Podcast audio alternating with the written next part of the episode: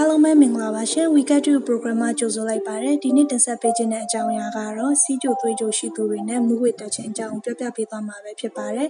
ဘာလို့ခဏခဏမူးနေမှမသိဘူးစီးကြိုယောဂတဲ့ဆေးလက်တောက်နေတယ်ခဏခဏမူးနေရတယ်ဆိုတာကိုပြောပြပေးသွားမှာဖြစ်ပါတယ်စီးကြိုယောဂတဲ့တွေဘာလို့မူးဝေတက်ကြတယ်လဲဆိုရင်တော့သွေးပေါင်ကြလို့ပါရုတ်တရက်အထိုင်ထားတွေမှာသွေးပေါင်မငြိမ်မသက်ဖြစ်သွားတဲ့အတွက်မူးဝေတာဖြစ်ပါတယ်နောက်ပြီးတော့ရေဓာတ်ချို့တက်လို့ပါစီးကြိုသမားတွေမှာသွေးရင်းချို့တက်များတဲ့အတွက်လိုလိုနင်းရေဓာတ်ခံချောက်တတ်ပါတယ်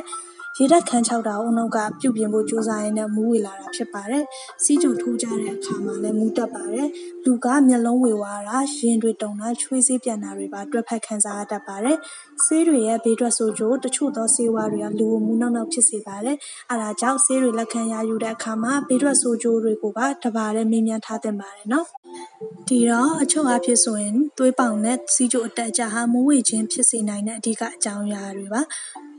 အဲ့ဒီအကြောင်းအရာတွေကို အမေရိကန်စီးကြိုသွေးကြိုသုတေသနတွေက ထောက်ပြခဲ့ပါတယ်။ကိုကဘာတွေတတိထားပြုပြင်ဖို့လိုနေမလဲဆိုရင်တော့စေကန်းပုံမှန်ပြသခြင်းပစ္စည်းတွေကိုအတိုးအလျှော့အချိန်အစမှန်ကန်စွာတောက်သုံးဖို့လိုအပ်ပါတယ်။ဒီနေရာမှာဆေးတွေဟာစားစားချိန်နဲ့အချိန်မှန်မှန်ကန်ကန်ကွက်တိကြဖို့လည်းလိုပါတယ်။တင့်တော်လျှောက်ပတ်စွာစားတောက်ခြင်း၊ကျမရဲ့ညီညွတ်စွာရွေးချယ်ရေးစားတောက်ခြင်းကလည်းအရေးကြီးတဲ့အချက်တွေပဲဖြစ်ပါတယ်။သွေးပေါင်ပုံမှန်ချိန်ချင်းဖြင့်သွေးပေါင်တက်ကြကိုအစဉ်တတိထားရပါမယ်။ စီးကျိုရဲ့နောက်ဆက်တွဲအနေနဲ့အာယုံကြောထိခိုက်တာတွေရှိနိုင်ပြီးသွေးပေါင်မမှန်ပဲအထိုင်အထမှာမူးဝေတတ်ပါတယ်။အားလုံးတတိထားစေချင်ပါတယ်ရှင်။ကျေးဇူးတင်ပါတယ်။